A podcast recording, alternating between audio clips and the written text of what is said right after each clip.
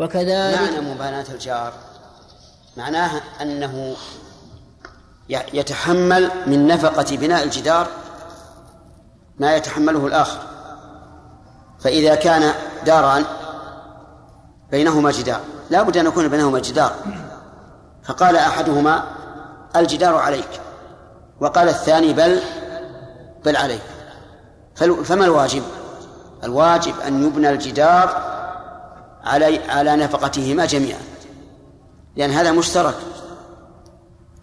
لكن لو بنى أحدهم أولا والثاني لم يبني إلا متأخرا فهل يلزم الثاني بالمباناة أو لا يلزم؟ الظاهر أنه لا يلزم لأن الأول بناه لنفسه وربما يدل عليه ظاهر حديث أبي هريرة رضي الله عنه لا يمنعن جار جاره أن يغرز خشبة في جداره أو خشبه في جداره. قال أبو هريرة وكان أميرا على المدينة ما لي أراكم عنها معرضين والله لأرمين بها بين أكتافكم. يعني إن لم تضعوا الخشب على الجدار وضعتها إيش؟ بين أكتافكم. وهذا من المبالغة في التحذير والتهديد. نعم لو علمنا أن هذا الجار تأخر عن البناء من أجل أن يقيم جاره الجدار الذي بينهما فحينئذ نلزمه إيش؟ بدفع المباناة يعني قيمة الجدار. نعم.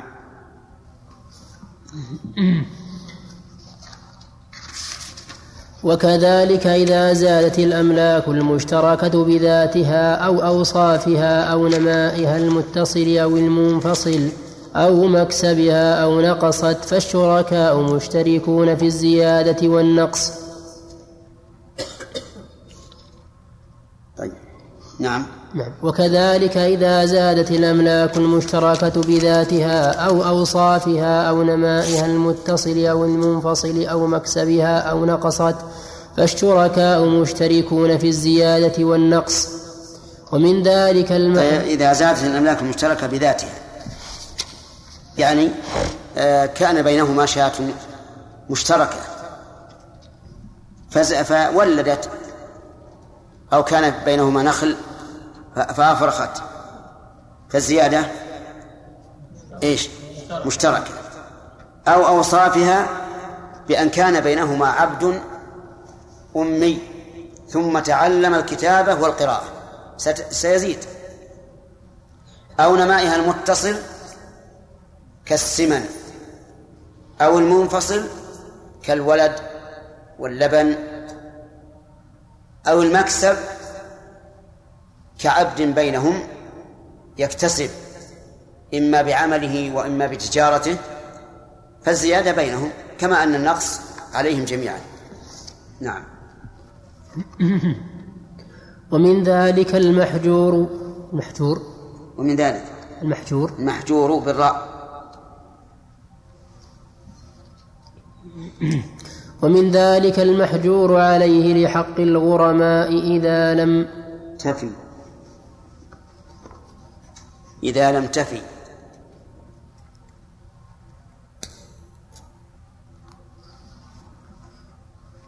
ومن ذلك المحجور عليه لحق الغرماء إذا لم تف موجوداته بحقوقهم وزعت عليهم على قدر ديونهم. وكذلك كيفية التوزيع على قدر الديون؟ أن تنسب آه، الموجود للديون. فما كان فلكل واحد منهم بقسطه من الدين. فإذا قدرنا أن أن عليه عشرة آلاف لواحد خمسة ولواحد ثلاثة ولواحد كم يبقى؟ اثنان. ولم نجد إلا خمسة آلاف. انسب الخمسة إلى العشرة. النصف أعطي كل واحد منهم نصف دينه. نصف دينه فمثلا الذي له خمسة آلاف يعطى ألفين وخمسمائة والذي له ثلاثة يعطى ألف وخمسمائة والذي له اثنان يعطى ألفا. هذا كيفية التوزيع على الغرماء إيش؟ أن تنسب الموجود إلى الديون وتعطي كل واحد من دينه بمثل تلك النسبة. نعم. وكذلك العول في الفرائض تنقص به الفر تنقص به الفروض كلها كل بح كل بحسبه والرد تزيد به الفروض كلها. وإذا علم مقدار ما لكل من المشتركين فذاك وإلا فإنه يحكم بينهم بالتساوي والله أعلم. نعم. إذا علم ما لكل واحد من المشتركين مثل أن يعلم أن هذا له النصف وهذا له الثلث وهذا له السدس فالأمر واضح. وإن جهل فالأصل التساوي. الأصل التساوي بينهم. نعم. مسألة الرد والعول لن نتكلم عليها لأنها تحتاج إلى بسط. أخشى أن تشوش عليهم عليكم وهي ما ما لزوم. نعم. القاعدة الحادية والثلاثون قد تتبعض الأحكام بحسب تفاوت أسبابها وهذه قاعدة لطيفة تستدعي معرفة مآخذ المسائل ومعرفة عللها وأحكامها فتترتب آثارها عليها بحسب ذلك ولهذا عدة أمثلة منها في الشهادات إذا شهد رجل وامرأتان أو رجل عدل أو رجل عدل وحلف معه صاحب الحق ثبت المال لتمام نصابه دون القطع في السرقة لأنه, لم لأنه لا يثبت إلا برجلين وكذلك إذا أقر بالسرقة مرة واحدة ثبت المال تفهمين المثال هذا؟ هذا رجل شهد عليه رجل وامرأتان. بأنه سرق.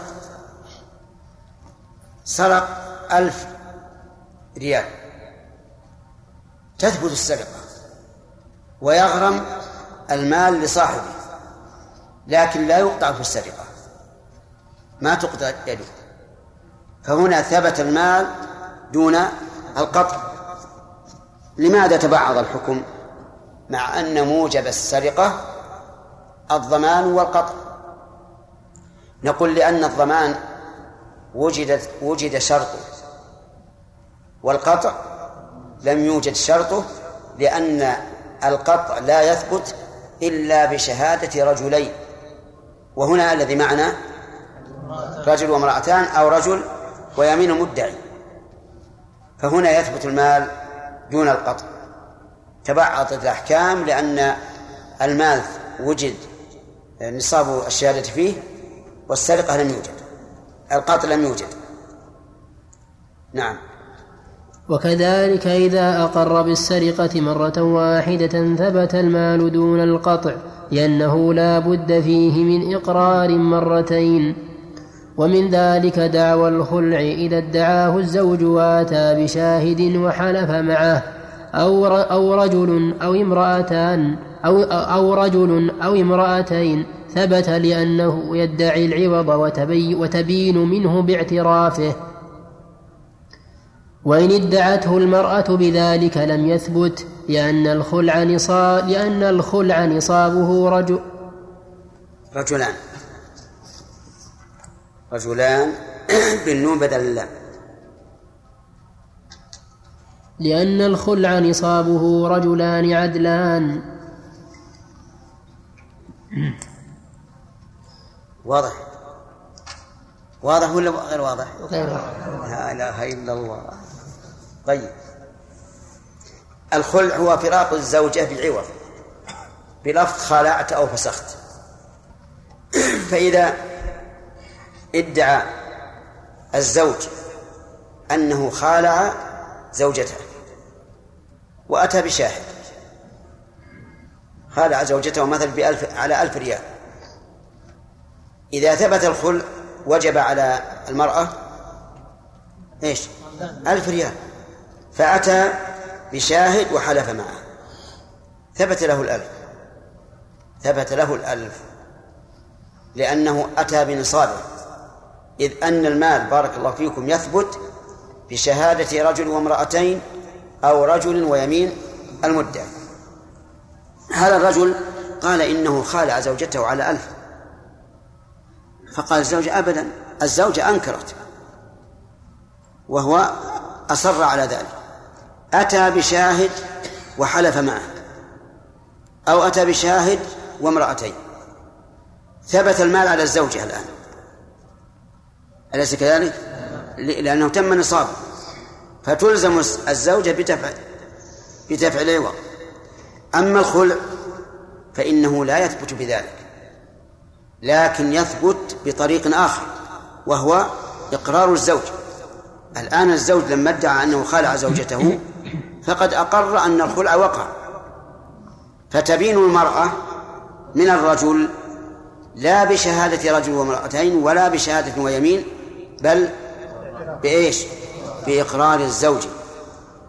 طيب آه وإن ادعته المرأة بذلك يعني بشاهد ويمين لم يثبت الخلع. وإذا لم يثبت الخلع لم يثبت عوضه. مثاله ادعت المرأة أن زوجها خالعها بألف ريال. ادعت أنه أن زوجها خلع بألف ريال. فأنكر الزوج. فأتت بشاهد وحلفت. فلا يثبت الخلع. لماذا؟ لأن الخلع لا يثبت إلا برجلين. الخلع لا يثبت إلا برجلين. وحينئذ لا يثبت الخلع. بقي أن يقال وهل يلزمها الألف لأنها أقرت به؟ الجواب لا. لا يلزمها. لأنه لم يحصل مرادها إذ أنها إنما أقرت به على أنه مخالعة للزوج مفارقة للزوج ولم يحصل لها ذلك. فالحاصل أن الأحكام تتبعض إذا وجد شرط ثبوت أحدها دون الآخر. نعم. عندنا إيش؟ خامس من أسفل نعم. أو رجل أو بشاهد وحلف معه أو رجل وامرأتين. أو امرأتين. إيش؟ أو رجل أو امرأتين. لا الصواب أو رجل وامرأتين.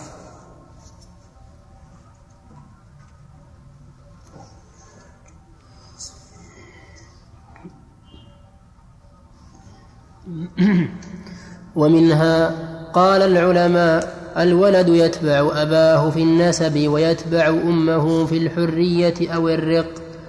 ويتبع في الدين خير خير الأبوين خير, خير الأبوين ويتبع في النجاسة وتحريم الأكل أخبثهما. فالبغل يتبع الحمار في النجاسة وتحريم الأكل ولا يتبع الفرس والسبع. والغبار لا. ولا يتبع الفرس. ثم قال والسبع والعسبار الغبار الصواب العسبار نعم؟ اي بالسين.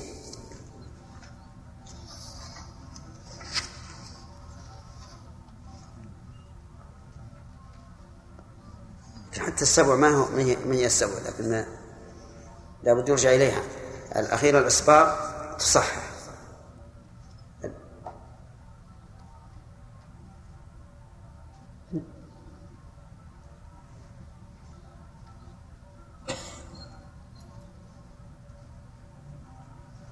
شو نعم.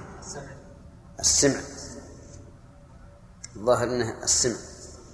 لكن لا لا تصحون حتى نتيقن نعم نعم. يكفي الاسبار وفيه فيه بركة.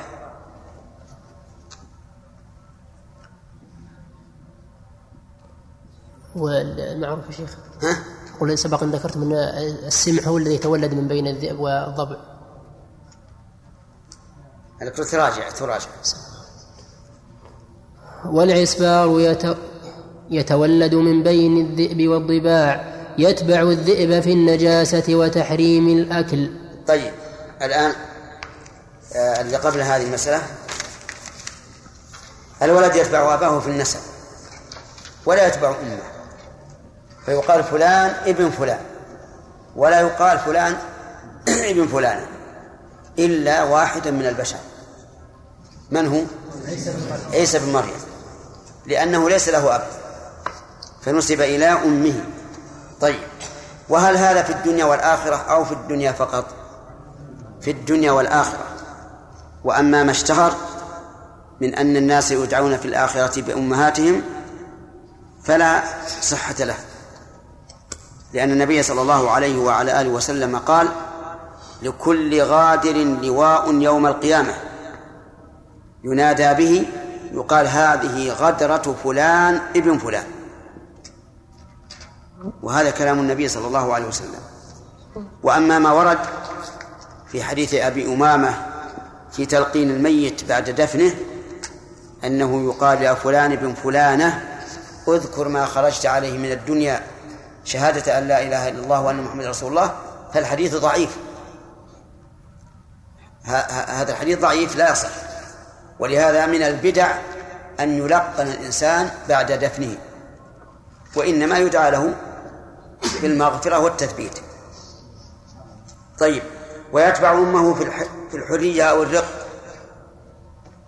يعني لو تزوج الرقيق حرة صار أولاده أحرارا. ولو تزوج الحر رقيقة صار أولاده أرقاء. ولهذا حرم الله سبحانه وتعالى أن يتزوج الحر رقيقة إلا بشروط. قال الإمام أحمد إذا تزوج الحر رقيقة رق نصفه. كيف رق نصفه؟ لأن أولاده بضعة منه فيكون أرقا طيب آه، يتبع في الدين خير الأبوين. يعني إذا كان رجل مسلم تزوج نصرانية وولد بينهما ولد. فالولد يتبع أباه يتبع أباه فيحكم بأنه مسلم. إذا مات هذا الطفل غسل وكفن وصلي عليه ودفن مع مع المسلمين لأنه يتبع في الدين خير الأبوين. طيب.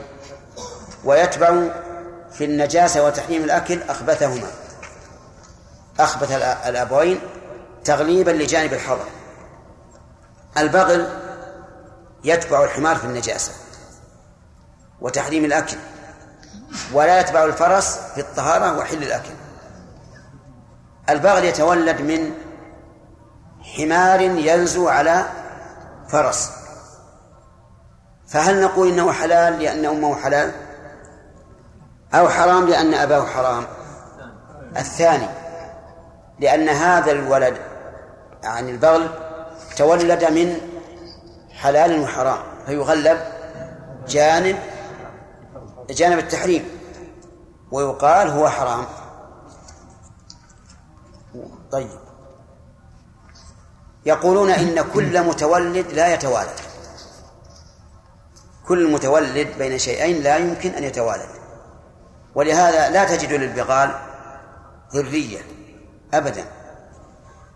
الفرس والسمع والإصبار هي السمع. الآن ذكرنا أنها السمع والإصبار يتولدان من بين الذئب والضباع. يقول المؤلف إنه يتبع الذئب في النجاسة وتحريم الأكل. نعم.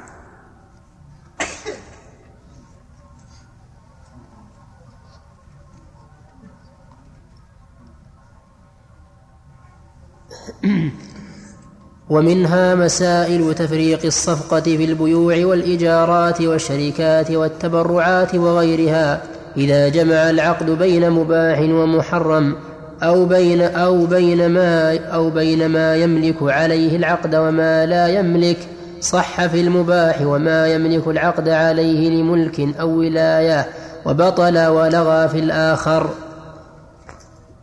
مثال الأول بين مباح ومحرم لو باع عليه جرتين جرة عصير وجرة خمر بثمن واحد هل يصح العقد؟ أو لا يصح؟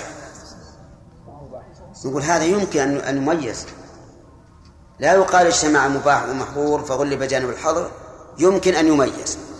ويقال يصح في العصير ولا يصح في الخمر. طيب هو باعهما بعشرين ريال. كيف نوزع الثمن؟ نقد لا نقدر أن الخمر عصير ليصح تقويمه. لأننا لا نقدره على أنه خمر. ربما تكون جرة الخمر هذه مثلا ب بعشرين وهذه بعشرة. لكننا لا نقدرها بعشرين لأن الخمر ليس له ثمن. وإنما نقدرها إيش؟ عصيرا ونقول لو كانت عصير وهذه عصير القيمة كذا وكذا فنوزع القيمة. وأما بين ما يملك العقد عليه وما لا يملك فرجل عنده عبد غلام وعنده ولد عرضهما للبيع على أنهما رقيقان. فباعهما. يصح ما يصح؟ لا يصح. يصح في العبد ولا يصح في الولد لأنه لا يملك العقد عليه. وكذلك لو باع ملكه وملك غيره. إنسان أخذ فرسه وفرس غيره وباعهما جميعا صفقة واحدة صح في فرسه ولم يصح في فرس غيره. وهذا من تبعض الأحكام. نعم.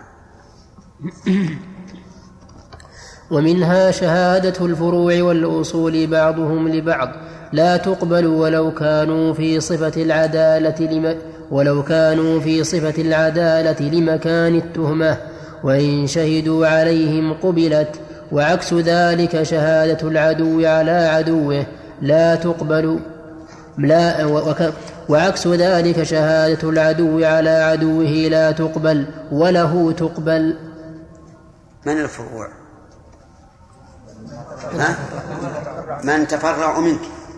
والأصول من تفرعت منهم. الأصول والفروع إذا شهد بعضهم لبعض لا يقبل. وإن شهد عليه قبل بنص القرآن.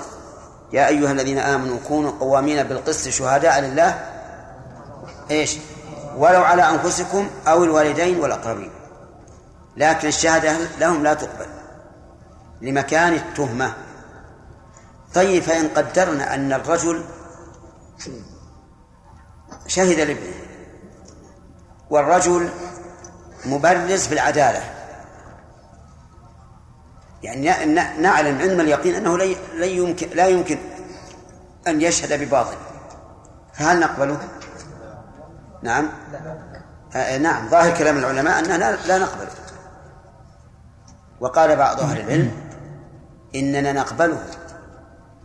لأن رد شهادة الأب لابنه مثلا ليس لنقص في الابن. نعم ليس ليس لنقص في الأب. ولكن للتهمة. والتهمة إذا كان الإنسان مبرزا في العدالة وأنه لا يمكن أن يشهد إلا بحق. فإنها تزول التهمة. لا سيما إذا وجد قرائن تؤيد شهادة الولد الوالد لابنه. فإنها تقبل. وإذا كان الأمر كذلك يرجع في هذا إلى القاضي. والقاضي إذا رأى أن هذا الأب صادق وأن هناك قرائن تؤيد شهادته حكم به بذلك ولا ولا ولا شيء عليه. كذلك العدو على عدوه. تقبل أو لا؟ ما تقبل. يعني متهم. ولعدوه؟ إيش؟ تقبل. طيب الصديق؟ لصديقه. الصديق لصديقه. إذا كان عدو على عدوه لا تقبل ولعدوه تقبل فكان يقتضي أن يقول الشهادة لصديقه لا تقبل وعلى صديقه تقبل. لكن هذا لا يقال به. لأننا لو قلنا به لكان ذلك سببا لإلقاء العداوة بين الناس علشان إذا شهد له قبل. لكن مع ذلك إذا كانت الصداقة قوية ونعلم أن بين هذين الرجلين من الصداقة ما يقدم أحدهما صاحبه على نفسه. فهنا ينبغي أن لا تقبل شهادته لصديقه لأن بعض الناس ربما يكون جنوحه إلى صديقه أكثر من جنوحه إلى أبيه وأمه. أليس كذلك؟ نعم. وعلى هذا فإذا قويت الصداقة قويت التهمة والمدار كله على التهمة. نعم. جاوبت الأسئلة؟ إيه نعم. نعم. شيخ شهادة الأب لابنه في عقد النكاح. نعم. الراجح فيه. شهادة الأب على لابنه بعقد النكاح المشهور عند فقهاء الحنابلة لا تقبل. وقيل إنها تقبل لأنها تتضمن شهادة له وعليه. إذ أنه شهادة له بكونه تملك هذه المرأة وشهادة عليه بما يجب عليه من مهر ونفقة وغير ذلك. نعم. رجحتم فيما سبق أن الثوب إذا أصابته نجاسة يتحرك بتعيين الثوب الذي إيش؟ إذا عنده عدة أثواب نعم. وأصاب أحدها نجاسة يتحرك. نعم. وقلتم إذا شك في من طلق من زوجاته نعم. أنه يقرع نعم. الفرق بين ال... الفرق ظاهر. لأن, لأن هذا لا يتعدى للغير. مسألة الثياب وذاك يتعدى للغير. نعم. تنصيص على بعض الأفراد العام بحكم يوافق الحكم العام آه، تخصيصا ومتى لا يعد تخصيصا. لا ليس تخصيصا. هذا هو ال- ال- الراجح عند المحققين. ذكر بعض أفراد العام بما يوافق حكم العام ليس تخصيصا. مطلقا. نعم. شيخ. الوالدة حملتني رسالة للشيخ تقول أن جدي توفي قبل تقريبا 20 سنة. أي المشايخ أنت بارك الله فيك طيب نعم. أنه توفي في البادية وكان اللي عنده ناس عوام وجهال فلم يصلى عليه فما الحكم؟ يصلى عليه الآن ها المشكلة الحين وصلت الرسالة قالت روح وصلني وإلا قالت إيش؟ أنا وصلت هذه الفتوى إيه. قالت روح ودني هناك الآن وين أدور؟ لا لا هي ما تصلي على هي ما تصلي على الجنائز صلوا عليه صلاة الغائب. إن كان تعرفون آه، يعني قبره وهو قريب لا يحتاج إلى شد رحل صلوا عليه. طيب والناس اللي فعلوا هذا يعني ما عليهم شيء؟ إن شاء الله هذا جهاد. لا تفكر انهم يبعدون هذا عن عند. المهم صلوا عليه الآن. من الممكن أنت الآن تصلي عليه. تقوم هناك وتصلي عليه. أحسن الله إليك إي نعم. نعم. معنى السمع والإسماع. إيش؟ السمع والإصبار هذا مثل ما قال الشيخ متولد بين الذئب والضبع. الذئب حرام والضبع حلال. مثل البغل متولد بين الفرس وال- وال- والحمار. ذكر الشيخ أن الزوجة إذا اشترطت على زوجها زيادة نفقة أنه يجب عليه. فإذا اشترط يجب عليه. يجب عليه يعني الوفاء. بالشرط نعم. فإذا اشترط عليه زيادة نفقة ووافق ولكن لم يستطيع بعد ذلك من جهاز و- كما يجري الكثير من الناس. فلها الفسخ نعم.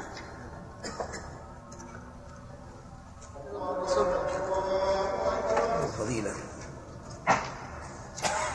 شيخ رضي الله عنه الاشكال الذي من اجله سالت نظره يكفي سؤال واحد. القاعدة الثانية والثلاثون. من من أدى عن غيره واجبا بنية الرجوع عليه رجع وإلا فلا. قال الله تعالى هذه القاعدة ينبغي أن يضاف إليها. إن برئ به. إن برئ الغير بذلك رجع وإلا فلا.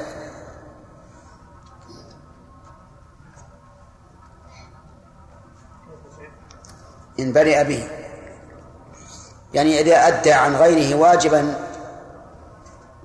يبرأ به بنية الرجوع رجع عليه وإلا فلا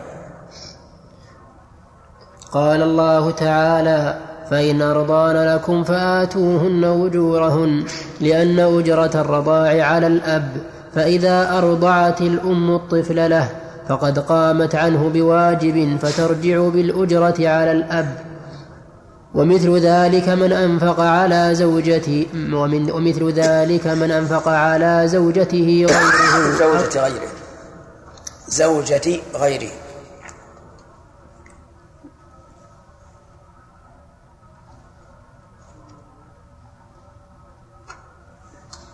ومثل ذلك من أنفق على زوجة غيره أو أولاده النفقة الواجبة.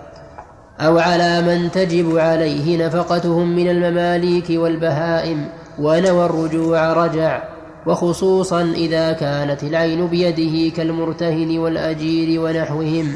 وكذلك من أدى عن غيره دينا ثابتا عليه لغريمه فله الرجوع فله الرجوع إذا نوى الرجوع. فإن نوى في هذه المسائل التبرع أو لم ينوي الرجوع لم يرجع لأنه لم يوكله ولم يأذن له. وهذه بهذا تبين أن من أدى عن غيره واجبا له ثلاث حالات. الأولى أن ينوي الرجوع والثانية أن ينوي التبرع والثالثة أن لا ينوي شيئا. أدى الواجب عن غيره بقطع النظر عن كونه يريد الرجوع أو لا يريد. فيرجع في حال واحدة. متى؟ إذا نوى الرجوع. فأما إذا لم ينوي الرجوع فإنه لا يرجع. وكذلك لو لم يكن في قلبه نية الرجوع ولا عدم ولا عدمه فإنه لا يرجع. لابد أن يكون بنية الرجوع. نعم. وهذه المسائل في الديون التي لا تحتاج إلى نية. فأما ما يحتاج إلى نية كالزكاة والكفارة والنذر وغيرها فمن أداها عن غيره لم يرجع لأن الأداء لا يفيد لأن الذي عليه الزكاة ونحوها لم يوكله لم يوكل الدافع ولهذا أضفنا في في أصل القاعدة إيش؟ وبرئ به لأن من أدى الزكاة عن غيره بدون توكيل منه فإن الغير لا يبرأ لأنه يحتاج إلى نية. يعني دفع دفع الزكاة يحتاج إلى نية من المزكي. فإذا كان يحتاج إلى نية وأداه عنه غيره فإنه لا يصح. وماذا يكون ماذا ماذا يكون موقف الغير الذي أدى؟ نقول لا يكون شيئا. إذا قال أنا أديت عن هذا الرجل زكاته ألف ريال. أرجع عليه. نقول لا ترجع. أنت الآن أديت بدون إذن ولا توكيل ولا ولاية. فلا ترجع. طيب فإن أجازه إن أجازه من عليه الزكاة فهل تبرأ بذلك ذمته أو لا؟ ظاهر كلام المؤلف وغيره من العلماء أنه لا أنه لا يجزي ولو أجازه. لأنه حينما أداها لم يكن بتوكيل من من صاحبها وهي لا بد فيها من النية. وفيها قول آخر أنه إذا أجازها فإنها فإنها تجزئ عنه. ويرجع الدافع على من تجب عليه. نعم. القاعدة الثالثة والثلاثون. إذا تزاحمت المصالح قدم الأعلى منها فيقدم الواجب على المستحب والراجح من الأمرين على المرجوح. وإذا تزاحمت المفاسد واضطر إلى واحد منها قدم الأخف منها. وهذان أصلان عظيمان. قال الله تعالى إن هذا القرآن يهدي للتي هي أقوم أي أصلح وأحسن. وقال اتبعوا أحسن ما أنزل إليكم من ربكم. وقال الذين يستمعون القول فيتبعون أحسنه فالواجب أحسن من المستحب وأحد الواجبين أو المستحبين أرجح مما دونه وأحسن. وقصة الخضر في خرقه للسفينة وقد الواجب أحسن من المستحب وهو أيضا أحب إلى الله. فمن أدى صلاة الفجر فهو أحب إلى الله تعالى ممن أدى سنة الفجر. لما في الحديث الصحيح ما تقرب إلي عبدي بشيء أحب إلي مما افترضت عليه. والعامة يظنون أن التطوع أحب إلى الله من من الواجب وليس كذلك بل الواجب أحب إلى الله تبارك وتعالى. نعم. وقصة الخضر في خرقه للسفينة وقتله الغلام تدل على تدل على الأصل الآخر وذلك أن الحال دائرة بين قتله للغلام وهي مفسدة. وبين إرهاقه لأبويه الكفر وإفساده لدينهما وهي مفسدة أعظم فارتكب الأخف. وكذلك خرقه للسفينة مفسدة وذهاب السفينة كلها غصبا من ال... نعم. وذهاب السفينة كلها غصبا من الملك الذي أمامهم مفسدة أكبر فارتكب الأخف. فارتكب الأخف منهما. فيدخل في هذين الأصلين من مسائل الأحكام ما لا يحد. فإذا دار الأمر بين فعل الواجب أو المسنون وجب تقديم الواجب في الصلاة والصدقة والصيام والحج والعمرة وغيرها. وكذلك يجب تقديم من تجب نفقة. طيب وإذا شب حريق وأراد إنسان أن يدافع هذا الحريق بإحراق شيء لولاه لا كان إصابة الحريق أوسع. يجوز أو لا يجوز؟ يجوز لأنه دفع لأنه دفع للمفسدتين بأدناهما. أي نعم. وكذلك يجب تقديم من تجب نفقته على من على من تستحب على من تستحب وعلى الصدقة المستحبة. ويجب تقديم من تجب طاعته على من تستحب وأمثلة تقديم الواجب على المستحب كثيرة جدا. ومن أمثلة تقديم على الواجبين طاعة المرأة لزوجها مقدمة على طاعة الأبوين. ويقدم العبد طاعة الله على طاعة كل أحد ولهذا لا يطيع والديه في منعهما له من الحج الواجب والعمرة إذا لو كان عند الإنسان دينار وله أقارب تجب عليه نفقتهم محتاجون إليه وأراد أن يتصدق به على فقير من غير هؤلاء أيهما أفضل؟ الأول أن ينفق على الأقارب لأنها الإنفاق على الأقارب واجب وعلى غيرهم مستحب. ومن ذلك أن بعض الناس في رمضان يذهب إلى العمرة ليعتكف في المسجد الحرام وله مسجد مكلف به فيدع هذا المسجد ويذهب إلى هناك فنقول هذا أخطأ. لأنه بذهابه هنا أثم لتضييعه الواجب فيكون آثما من حين سافر إلى أن يرجع.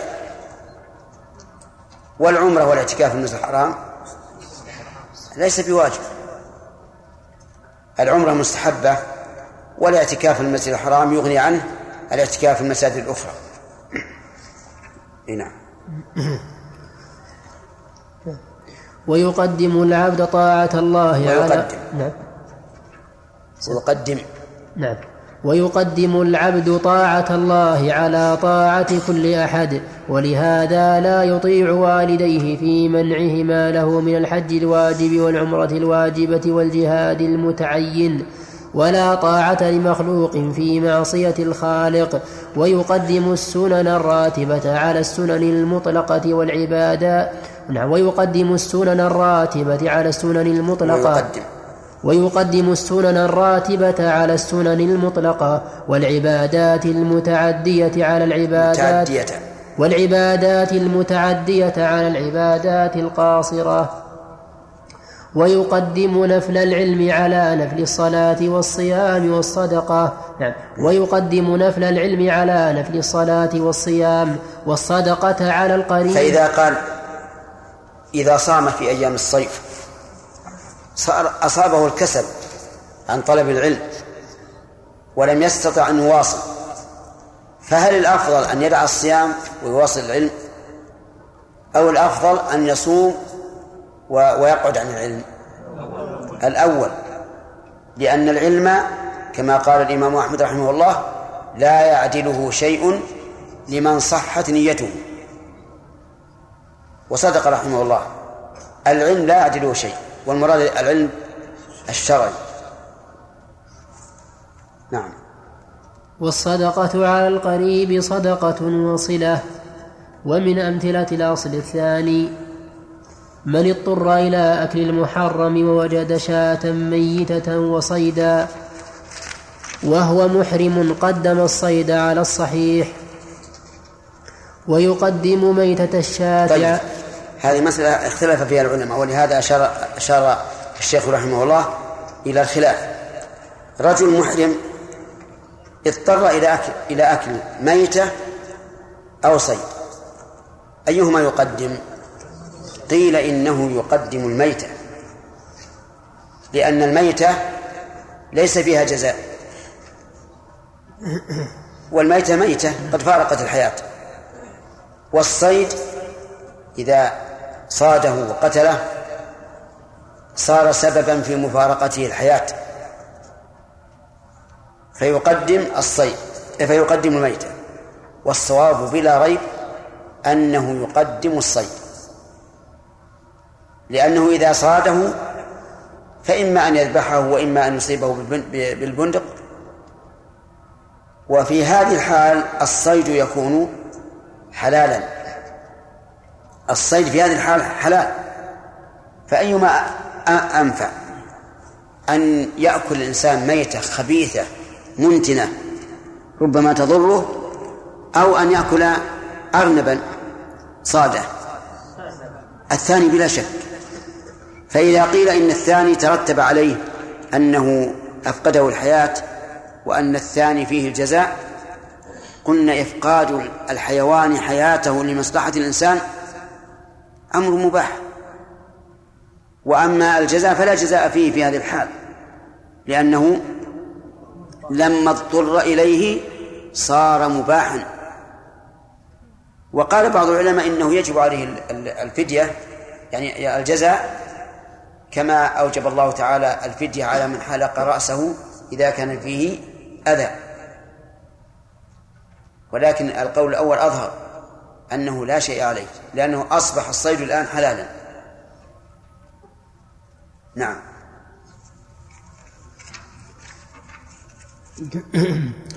ومن ومن نعم. ويقدم ميتة الشاة على الكلب. ومن اضطر إلى وطئ أحد زوجتيه الصائمة والحائض وطأ وطئ الصائمة لأنها أخف ولأن الفطر يجوز بضرورة الغير كفطر الحامل. كفطر الحامل والمرضع إذا خافتا على الولد. ويقدم أيهما يقدم رجل عنده زوجتان وهو في و و و ولا بد أن يطأ إحداهما. فهل يطأ الصائمة أو الحائض؟ فيه خلاف. فقيل يطأ الحائض لأنه لا يفسد عليها عبادته عبادة. ولو وطئ الصائمة لأفسد عليه العبادة. وقيل بل يطأ الصائم الصائمة. لأن دفع ضرورة الغير يبيح الفطرة كما لو وجدت غريقا في الماء ولا يمكنك أن تنقذه إلا إذا أفطرت نقول أفطر. وكالحامل والمرضع كما ذكرهم الشيخ رحمه الله. ولأن المنع منع وطئ الحائض يتعلق بنفس المكان. كما قال تعالى ويسألونك المحيض قل هو آدم فاعتزلوا النساء في المحيض. في هذه الحال هل تأثم الصائمة؟ الجواب لا تأثم. هل يجب عليها أن توافق الزوج؟ الجواب نعم يجب. لأنه في ضرورة ولكن لاحظوا ما معنى الضرورة. هل معناها أن يشتد شوق الإنسان إلى الجماع؟ أو معناها أنه إذا ترك الجماع تشققت أنثياه؟ يعني أعني خصلتين. الجواب الأول ولا الثاني؟ الثاني. هذا هو الضرورة لأن بعض الناس يكون به شبق. نسأل الله العافية. في مجرد ما تتحرك شهوته تنتفخ خصيتاه. ولا يزول ذلك إلا بالجماع. هذه ضرورة. أما كونه آه، مشتاقا أشد الاشتياق إلى الجماع فهذه ليست ضرورة. نعم. ويقدم ما فيه ويقدم ما فيه ويقدم ما فيه شبهة على الحرام الخالص. هذا كله إذا ابتلي العبد بذلك والمعافى من عافاه الله. ومن أمثلة القسم الأول إذا ضاق الوقت للصلاة أو أقيمت تعينت المكتوبة ومن عليه قضاء رمضان لم يكن له أن يصوم نفلا. نعم. الأول إذا ضاق وقت الصلاة فإنه يحرم عليه أن يصلي نافلة. وإذا أقيمت الصلاة حرم عليه أن يبتدئ صلاة نافلة. لكن هل يحرم عليه أن يكمل ما ابتدأ من صلاة النفل؟ نقول في هذا تفصيل. إن أقيمت الصلاة وهو في الركعة الثانية فإنه لا يقطعها بل يتمها خفيفة. ودليل ذلك قول النبي صلى الله عليه وسلم من أدرك ركعة من الصلاة فقد أدرك الصلاة. وهذا أدرك ركعة في وقت يجوز فيه أن يصلي فليتم صلاته. وإن أقيمت الصلاة وهو في الركعة الأولى إيش؟ فإنه يقطعها لأنه لم يدرك الركعة التي يدرك بها الصلاة. أما من عليه قضاء رمضان فلم فلا يكون له أن يصوم نفلا فهذا ما ذهب إليه المؤلف رحمه الله وهو المشهور من المذهب. والصواب أن له أن يتنفل بصوم إلا إذا ضاق الوقت بحيث لم يبق من شعبان إلا مقدار ما عليه. فهنا لا يجوز النفل.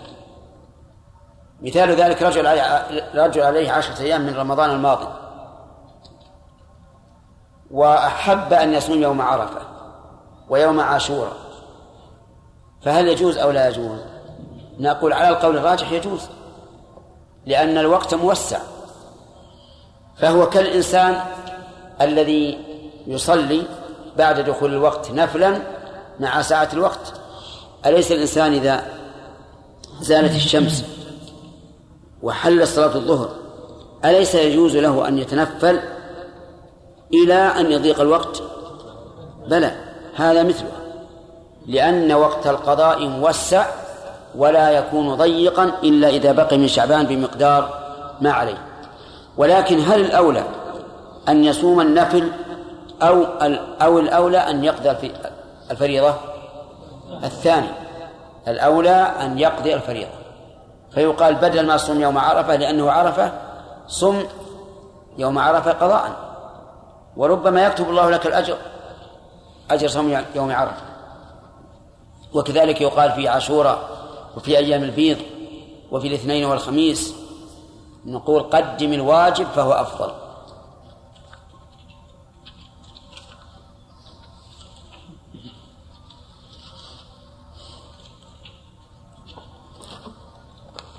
نعم. ما أجل الوقت ما أجل الوقت نعم.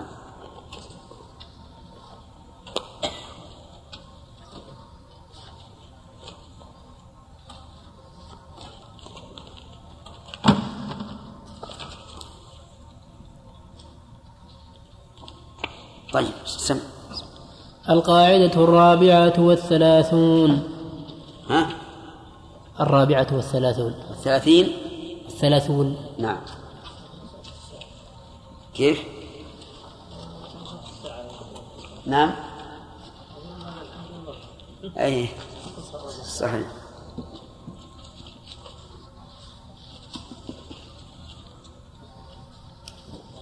نعم. إذا. إذا دفع الزكاة عن غيره بدون أن يوكله يشت... نعم يشترط النية؟ هل مثل ذلك لو حج عن غير نية يجوز أن يستأذنه؟ إذا كان واجب نعم نعم لكن كما قلت لك أن فيه قول ثاني بأنه إذا أجازه فلا بأس نعم إيش؟ تشريك تشريك إيش؟ ها؟ القول الفصل أنه إذا كان إذا علمنا أن قصد الشارع أن يكون هذا الشيء حاصلا لهذا السبب. يعني مثلا تحية المسجد دخل الإنسان المسجد وصلى الراتبة. كفته عند تحية المسجد؟ وكذلك بالنسبة للصوم. إذا علمنا مثلا أيام البيض في الاثنين وصام يوم الاثنين يجزي لأنه حصل أن صام يوم الاثنين. نعم. ها؟ لا الفريضة والنفل إذا كان النفل تابعا لها فلا يصح إي نعم هذا يعني الظاهر أنه يحصل يحصل له ذلك نعم نعم إيش؟ إذا أقيمت الصلاة نعم فلا صلاة إلا المكتوبه نعم ها؟ كيف نحمله؟ نحملها على إيش؟ قيل المعنى فلا صلاة ابتداء بدليل قوله إذا أقيمت. لأن إذا أقيمت الصلاة قام الإنسان يصلي. فنقول لا تصلي إلا إلا الفريضة التي أقيمت لها التي أقيمت لها الإقامة. أفهمت؟ يقول لا صلاة ابتداء. وذلك لأنه إذا أقيمت الصلاة ابتدأت الفريضة. فلا تبتدئ بغيرها. وعلى هذا القول نقول أكمل النافلة إذا كنت قد شرعت فيها قبل الإقامة أكملها ولو لم يبقى على الصلاة إلا مقدار تكبيرة الإحرام. يعني لو فاتك الركعة الأولى والثانية والثالثة والرابعة. والقول الثاني أن قوله لا صلاة يشمل الابتداء والاستدامة. لكن إذا كان قد دخل في الركعة الثانية فقد أدرك هذه الصلاة النافلة في وقت ليس حراما عليه. لأن قبل الإقامة يجوز أن يصلي. وقد قال النبي صلى الله عليه وسلم من أدرك ركعة من الصلاة فقد فقد أدرك الصلاة. نعم. بالنسبة أدى عن غيره بدون أن ثم أراد أن يرجع إليه. فهل للآخر صاحب الدين أن يقول له لا نعطيك شيئا؟ لا لا يلزم بإعطائه. لأن قضاء الدين ما يشرط فيه النية. نعم. القاعدة التي ذكرناها أحيانا نقول بأنه يقتضي التخصيص مثل مثلا ما مثلنا قبل قليل في أول الدرس بأنه لو قلنا مثلا أعطي طلبة كتاب القواعد ثم قلنا أعطي المجتهدين كتاب القواعد تخصص هذا الأمر نعم. فمتى نحمله على التخصيص ومتى نحمله على عدم التخصيص؟ نحمله إذا كان يوافق العام فهو, فهو يحمل على عدم التخصيص. المثل ما يوافق. لأن هذا الوصف الذي هو الاجتهاد يخرج ما ما عداه. الحكم هو إعطاء الكتاب؟ ما يعطى إلا المجتهد. من عليه صيام هل له أن يتلفل بصيام ست أيام في شوال؟ ما هو الواجب اللي عليه؟ من رمضان. من رمضان. لا. لأن الحديث من صام رمضان ثم أتبعه. وهل الذي عليه قضاء يقاس صوم رمضان؟ ما يقاس صوم رمضان. ولهذه هذه المسألة ما تدخل في في في مساتنا. لأن صيام الأيام الست هذه من باب الراتبة التي بعد الصلاة. فلا يجزئه. نعم. أما إذا كان غير يعني مثل لو فرضنا عليه كفارة فله أن يصوم أن يصومها قبل الست. لكن لابد أن تكون الست في شوال.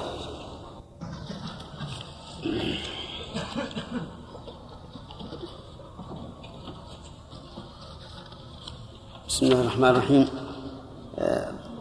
بعض بعض الناس أشكل عليهم إذا وجد الإنسان المضطر ميتة وصيدا وهو محرم. الشيخ رحمه الله قدم أو صحح أنه يأكل الصيد. وهذا واضح. وذلك لأن الميتة محرمة لعينها وذاتها فهي خبيثة. والصيد محرم لغيره من أجل أن أن الإنسان متصف بالإحرام. ولهذا لو كان غير محرم لحل لها لحلت له. وفرق بين شيء طيب في ذاته تحله الذكاة وآخر خبيث في ذاته. فلهذا نقول يقدم إيش؟ يقدم الصيد. فإذا قتله قتل الصيد يعني قتله قتل شرعي. حل له أكله وحل لغيره أكله لأنه قتله على وجه مأذون فيه. ولكن هل يلزمه جزاؤه؟ ذكرنا في ذلك الأمس احتمالين. الأول أنه يلزمه جزاؤه لأنه ذبحه أو لأنه صاده لمصلحة نفسه فهو كشعر الرأس إذا أزاله الإنسان لأذى فقد جعل الله تعالى فيه الفدية. واحتمال أن لا يلزمه شيء أن لا يلزمه شيء لأن الله قد أباح له هذا الصيد. وما وما ترتب على المأذون فليس بمضمون. فإن احتاط الإنسان ودفع الجزاء فهو خير. أي نعم. بسم الله الرحمن الرحيم. الحمد لله رب العالمين وصلى الله وسلم على عبده ورسوله نبينا محمد وعلى آله وصحابته أجمعين. قال الشيخ رحمه الله تعالى القاعدة الرابعة والثلاثون إذا خير العبد بين شيئين فأكثر. فإن كان التخيير لمصلحته فهو تخيير يرجع إلى شهوته واختياره وإن كان لمصلحة الغير فهو تخيير يلزمه فيه الاجتهاد في الأصلح. مثال الأول التخيير في كفارة اليمين بين العتق وإطعام عشرة مساكين أو كسوتهم وفي فدية الأداء بين الذبح أو إطعام ستة مساكين أو صيام ثلاثة أيام. وفي جزاء الصيد بين ذبح المثل من النعم أو تقويمه بطعام يطعمه للمساكين أو يصوم عن كل مد من ذلك المقوم يوما. فهو في هذه المسائل التخيير راجع لإرادته ومثله الدية يخير المخرج بين طيب هذه مسائل واضحة. كفارة اليمين يخير فيها بين العتق والإطعام والكسوة. وقد بدأ الله تعالى بالإطعام لأنه أسهل. ثم الكسوة ثم العتق. أيوة المثال الأول التخيير في كفارة اليمين بين العتق وإطعام عشرة مساكين أو صيام ثلاثة أيام. لا غلط. ما هي موجودة صيام ثلاثة أيام؟ أو كسوتهم فبدأ الله تعالى بالأسهل. إطعام عشر مساكين كسوتهم تحرير تحرير رقبة. وهذا يرجع إلى اختيار الإنسان.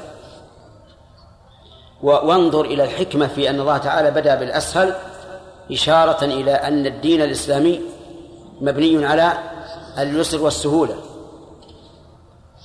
وعلى هذا فلنا أن نقول نبدأ بما بدأ الله به. فنبدأ بالإطعام لأنه أسهل. ولنا أن نقول أن نختار العتق لأنه أنفع وأفضل. لكن المهم أن تقديم الأسهل في الكفارات إشارة إلى أن الدين الإسلامي إيش مبني على اليسر والسهولة. طيب. كذلك في فدية الأذى. فدية الأذى يعني هي فدية حلق الرأس حلق المحرم رأسه من أجل الأذى. يخير فيه بين صيام ثلاثة أيام إطعام ست مساكين بعد ذبح شاة. وهنا أيضا بدأ بالأسهل ففدية من صيام أو صدقة أو نسك لأنه في عهد الصحابة الناس آه، قليل ذات اليد فكان الأسهل عليهم الصيام. في جزاء الصيد بين ذبح المثل من النعم ففي النعامة بدنة. أو تقويمه تقويم إيش؟ المثل؟ نعم. أو تقويمه بطعام يطعمه لمساك... للمساكين. وقيل إن المراد تقويم الصيد. وأن الإنسان إذا اختار أن التقويم صار كالصيد الذي لا مثل له فيقوم الصيد. لكن المشهور أن الذي يقوم هو الجزاء. يقول أو تقيم طعام يطعمه المساكين أو يصوم عن كل مد من ذلك المقوم يوما. نعم. ومثله الدي ومثله الدية يخير المخرج بين مئة من الإبل أو مئتين من البقر أو ألفي شاة أو ألف أو ألف دينار أو اثني عشر ألف درهم. فالمخير هو الدافع. وعلى القول بأن الإبل بأن الإبل هي الأصل تخرج عن هذا الأصل. يعني في الدية بعض العلماء يقول إن الأصل الإبل. وبقية الأصناف الأربعة فرع. وهذا هو القول الراجح أن الأصل الإبل. وبناء على هذا يكون الأصل الإبل ولا خيار ولهذا قال تخرج عن هذا الأصل. نعم. ومثال الثاني تخيير الملتقط للحيوان في حول التعريف بين حفظه والإنفاق عليه ليرجع على صاحبه إذا وجده وبين بيعه وحفظ ثمنه وبين أكله بعد أن يقومه على نفسه على نفسه ويلزمه فعل الأصلح. نعم. وكذلك يخير الإمام في الأسير الحربي بين قتله و بين قتله ورقه وأخذ فدائه والمنة عليه ويلزمه الأصلح. ومن ذلك تصرفات ولي اليتيم وناظر الوقف والوصي بين قتله يعني قتل الأسير. ورقه يعني يجعله رقيقا كالنساء والذرية. وأخذ فدائه إما بمال بأن يقول الأسير أطلقوني وأنا أعطيكم من المال كذا وكذا. وإما بعمل. كما جرى في في أسرى بدر أنهم فدوا أنفسهم بعمل للصحابة. وإما بالمنة عليه يعني يطلق مجانا. ويلزم الإمام فعل فعل الأصلح. نعم. ومن ذلك تصرفات ولي اليتيم وناظر الوقف والوصي ونحوهم إذا تعارضت التصرفات لزمه أحسن ما يراه. أح نعم. نعم. نعم ماشي. قال الله تعالى ولا تقربوا مال اليتيم إلا بالتي هي أحسن. القاعدة الخامسة والثلاثون. من سقطت عنه العقوبة لموجب ضوعف عليه الضمان وذلك إذا كان فعله سببا ناهضا لوجوب العقوبة عليه ولكن سقطت عنه العقوبة لسبب من الأسباب فإنه يضاعف عليه ضمان الشيء. فمن ذلك من سرق تمرا أو ماشية من غير حرز من غير حرز سقط عنه القطع ولكنه يضمن المسروق بقيمته مرتين. ومن ذلك إذا خص المؤلف رحمه الله ذلك بالثمر والماشية. وعمم بعض أهل العلم ذلك وقالوا كل من سرق من غير حرز فإنه لا قطع عليه ولكن تضاعف عليه يضاعف عليه الغرم. والأولى أن يقتصر على ما جاء به النص. و و و وما لم يجي به النص فالأصل أن لا يضمن إلا بمثله أو قيمته. ها؟ إي نعم. تمرا. بالتاء. إي نعم إي نعم. وهو عندنا كذلك. نعم. عندكم ثمر؟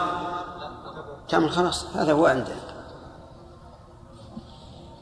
ومن ذا ومن ذلك إذا قتل المسلم الذمي عمدا لم يقتص منه لم يقتص منه لعدم المكافأة في الإسلام ولكن ولكن تضاعف عليه الدية.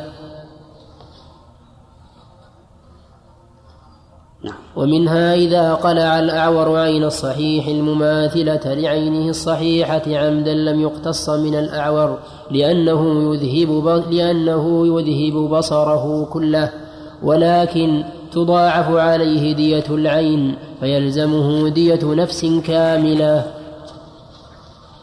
مراد الشيخ بقوله دية نفس كاملة يعني دية عينين ودية العينين دية النفس.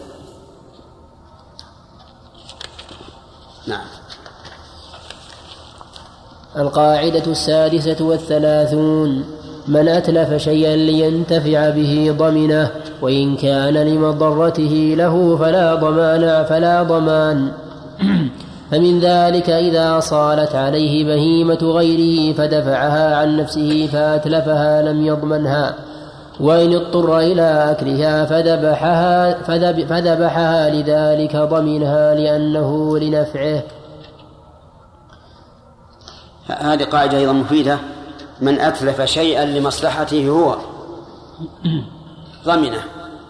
ومن أتلف شيئا لدفع أداه لم يضمن. وذلك لأن الصائل مهدر ليس فيه ضمان. حتى لو صار عليك إنسان ودافعته بالتي هي أحسن ولم يندفع إلا بالقتل فقتلته فلا شيء عليك والمثال الذي ذكره المؤلف واضح. نعم. ومن كان محرما بحج أو طيب، ما هو الدليل؟ الدليل قصة كعب بن عجرة رضي الله عنه. حين احتاج إلى حلق رأسه فحلقه لدفع أذى الرأس ولا لدفع أذى كعب؟ لدفع أذى كعب. لأن الشعر ما فيه ضرر لكنه كان آه، عشا للهوام هوام الرأس القمل. فيحلقه من أجل أن لا يكون فيه مكان للقمل. أما الشعر نفسه فليس فيه أذى. فلذلك ضمن بالفدية. ومن هذا ما أشرنا إليه قبل قليل في مسألة إيش؟ الصيد. إذا اضطر إليه المحرم فإنه آه، يذبحه ويفتيه. نعم. ومن كان محرما بحج أو عمرة فانقلع ظهوره أو نزل الشعر في عينه فأزاله فلا فدية عليه. فإن أصابه مرض احتاج معه إلى إزالة شعره فعليه فدية أذى لإزالة الشعر. أذى. فعليه فدية أذى لإزالة الشعر. نعم. القاعدة السابعة والثلاثون إذا اختلف المتعاملان في شيء من متعلقات المت... من في شيء من متعلقات المعاملة يرجح أقواهما دليلا. والترجيحات كثيرة الرجوع إلى الأصول فمن كان معه أصل فمن كان معه أصل قدم على الآخر وكثرة القرائن المرجحة.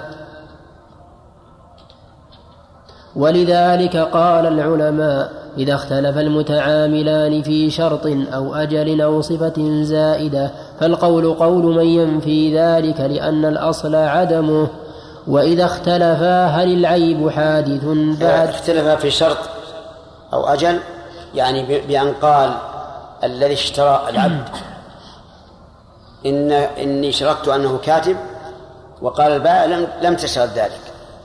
فالقول قول من؟ قول البائع لأنه ينفيه. أجل ادعى المشتري أن الثمن مؤجل. وقال البائع إنه حال. فالقول قول من؟ قول البائع لأنه ينفيه. صفة زائدة بأن قال إن إن العبد كاتب وأنكر البائع. فالقول قول البائع لأن الأصل عدمه. نعم.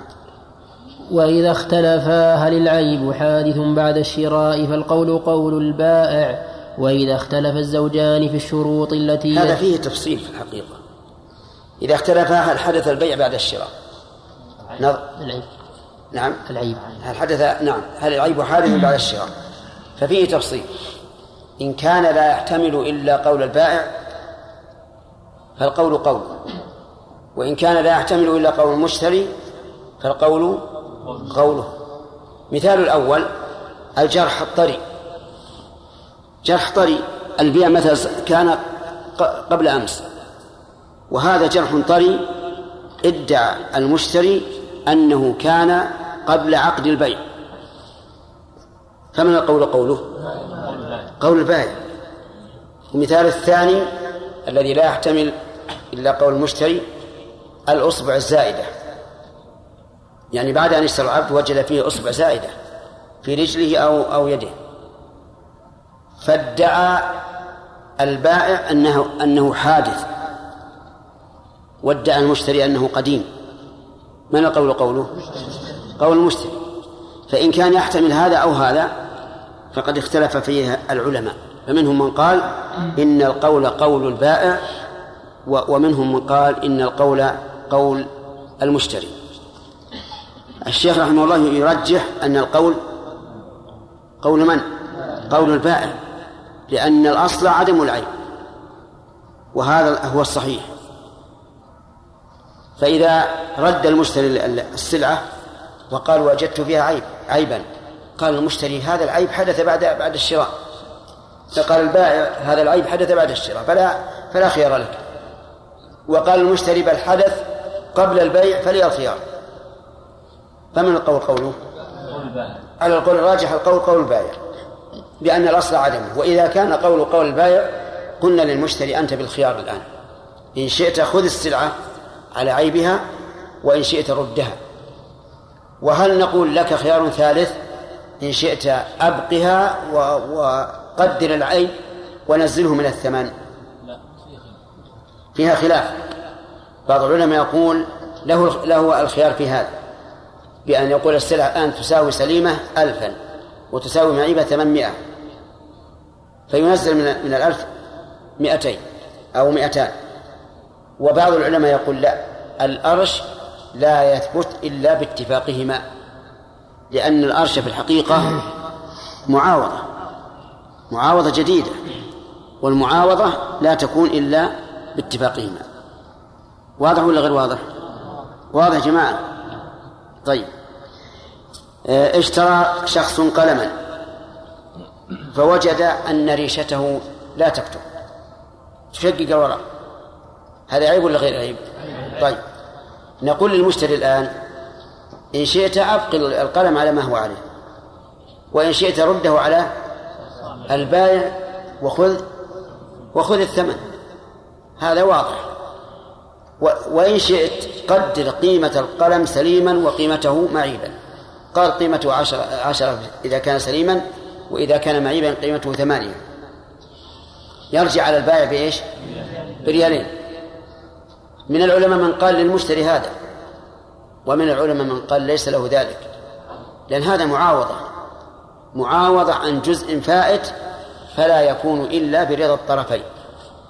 وهذا هو الأقرب هذا هو الأقرب للصواب. فيقال للمشتري إما أن تأخذه بعيبه وإما أن ترده وتأخذ دراهمه. إلا إذا علمنا أن البائع مدلس.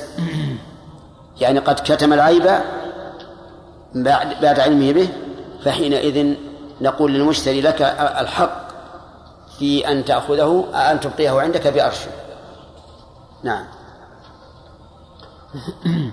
وإذا اختلف الزوجان بشروط في الشروط التي يدعي أحدهما أنه شرطها وينفيها الآخر فالقول قول نافي فإن تساوى المتعاملان في الترجيح أو عدمه تراد المعاملة إلا أن المعاملة. نعم. المعاملة بالنصب. نعم. تراد المعاملة إلا أن يرضى أحدهما بقول الآخر. نعم هذا واضح. إذا كان ما فيه دليل يرجح قول البائع أو قول المشتري مثلا فإنهما يترادان البيع. بمعنى أن أننا نفسخ العقد ويرجع المشتري بثمنه ويرجع البائع بسلعته القاعدة الثامنة والثلاثون. إذا عاد التحريم إلى نفس العبادة أو إلى شرطها فسدت وإذا عاد إلى أمر خارج لم تفسد وكذلك المعاوضة. وهذا هو الفرقان بين العبادات التي تفسد والتي لا تفسد إذا اشتملت على أمر إلى إذا ويقول اشتملت الشيخ وكذلك المعاوضة يعني لو كان بدلها ولعله هو الأصل آه، وكذلك المعاملة. نعم لا اكتبوا لعلها وكذلك المعاملة. في آخر القاعدة قال ومثال المعاملات. ها؟ في آخر القاعدة قالوا مثال المعاملات. إيه. يعني يرجح إذن المعاملة. صح. وكذلك المعاملة.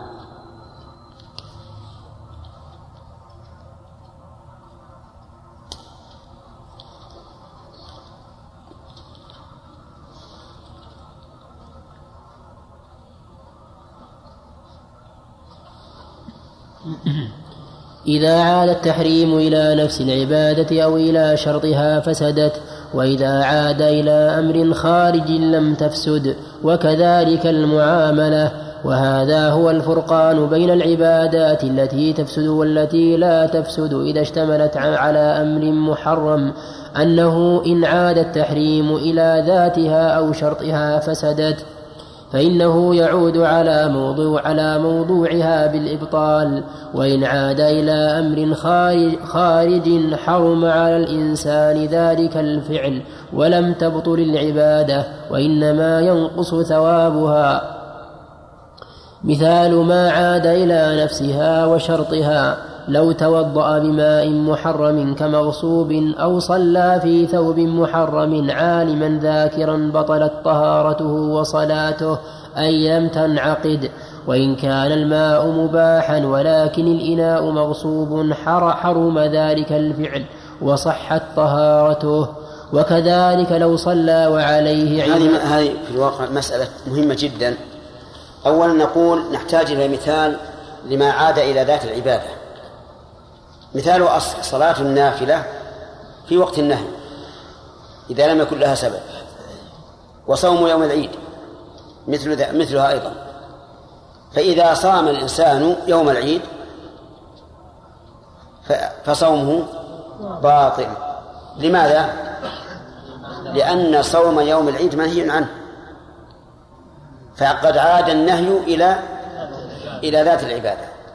وكذلك أيضا لو صلى النافلة التي ليس لها سبب بعد بعد صلاة العصر فالصلاة باطلة. حتى لو توضأ وجاء بجميع الشروط فالصلاة باطلة.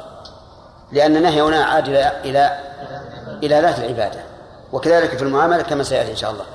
إذا عاد إلى شرطها إن كان على وجه يختص بها فإنها تبطل.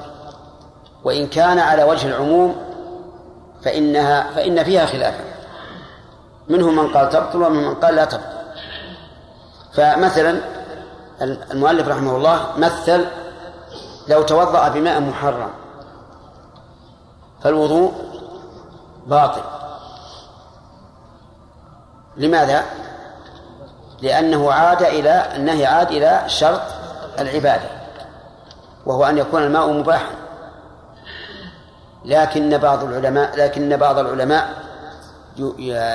يعارض ذلك ويقول استعمال الماء المغصوب ليس خاصا بالعبادة بل هو عام. والنهي إذا كان عاما فإنه لا يفسد العبادة. يعني إذا وقع المنهي عنه في العبادة وهو عام فإنه لا يفسدها ولهذا لا تفسد الغيبة صوم الصائم مع أنه منهي عنها. من لم يدع قول الزور والعمل به والجهل فليس لله حاجة في أن يدع طعامه وشرابه لكن هل هذا النهي خاص في الصيام؟ ها؟ عام. ولهذا لم يبطل الصوم. لكن لو أكل بطل صومه لأن النهي عن الأكل خاص بالصوم. نأتي إلى الوضوء بالماء المغصوب المؤلف رحمه الله مشى على القول المرجوح في نظرنا وهو أنه إذا توضأ بماء معصوب بطل الوضوء لأن استعمال هذا الماء منهي عنه. معنا يا سمير؟ ولا سارح؟ طيب. القول الراجح عندي أن الوضوء بالماء المعصوب صحيح. لأنه لم يأتي الشرع فيقول لا تتوضأ بماء مغصوب وإنما قال لا تستعمل الماء المغصوب فليس هذا فلم ينهى عن الوضوء بالماء المغصوب حتى نقول إنه لو توضأ لفعل عبادة منهيا عنها بذاتها. لكنه لا شك أنه يأثم طيب كذلك أيضا لو صلى في ثوب محرم كرجل صلى في ثوب حرير بلا حاجة فالصلاة باطلة. على ما مشى عليه المؤلف والقول الثاني ليست باطلة لأن النهي عن لبس ثوب الحرير ليس خاصا في الصلاة بل هو عام. يعني لم يقل الشارع لا تلبس الحرير في الصلاة. لو قال هكذا قلنا لا بطل الصلاة لأنه عاد إلى إلى وجه إلى عاد إلى العبادة بوجه خاص. فالصلاة صحيحة ولكنه آثم. ومثل ذلك يا عقيل وين روحت؟ مثل ذلك لو صلى في ثوب مسبل أو مسبل. فالصلاة صحيحة لكنه آثم. لأنه لم يأتي الشرع فيقول لا تصلي في ثوب مسبل. أو على صح مسبل فلما لم ينهى لم ينهى عنه بخصوصه قلنا هذا النهي عام لا يختص بالعبادة فلا يبطلها.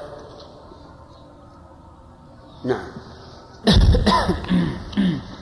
ثم إن المؤلف رحمه الله أشار إلى نقطة مهمة. قال أي لم تنعقد. ففسر البطلان هنا بمعنى عدم الانعقاد. وذلك لأن البطلان إنما يرد على ما صح ابتداؤه. والمسألة هنا ما صحت ابتداء ما انعقدت. فلهذا كان المراد هنا بالبطلان عدم الانعقاد. نعم. وكذلك لو صلى وعليه إمامة حرير وهو رجل أو خاتم ذهب حرم عليه الفعل والصلاة صحيحة لأنه عاد إلى أمر خارج. يعني لم يعد إلى شرط الصلاة لأنه ليس من شرط الصلاة أن يستر الرأس. فإذا ستره بعمامة حرام فإن صلاته صحيحة لكن لبس العمام الحرام آه حرام عليه. حرير. نعم. والصائم إذا إذا تناول شيئا من المفطرات فسد صومه فإن فعل شيئا من المحرمات في حق الصائم وغيره كالغيبة والنميمة والفعل المحرم صح صومه مع الإثم. هذا يؤيد ما ما رجحناه. الصائم الآن إذا إذا أكل أو شرب أو جامع فما حكم صومه؟ أي باطل. لماذا؟ لأن هذا الفعل تحريمه مختص بالعبادة فأبطلها لكن لو اغتاب أو غش أو نم أو كذب أو ما أشبه ذلك من المحرمات فصومه صحيح لماذا؟ لأن التحريم لا يختص بالعبادة نعم ومثال المعاملات إذا باع ما لا يملك أو بغير أو بغير أو بغير رضا معتبر أو أو بيع ربا. بيع نعم.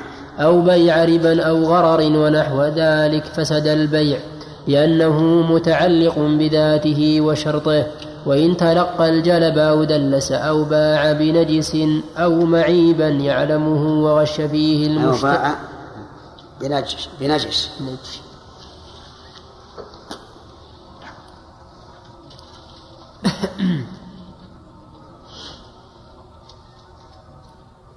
أو باع بنجش أو معيبا يعلمه وغش فيه المشتري فالفعل محرم والعقد صحيح وللآخر الخيار. هذا واضح. إذا باع ما لا يملك فالعقد باطل. لقوله تعالى لا تأكلوا أموالكم بينكم بالباطل إلا أن تكون تجارة عن تراض منكم. فإن أمضاه المالك فهل يصح أو نقول لا بد من إعادة العقد؟ مثال ذلك رجل باع سيارة شخص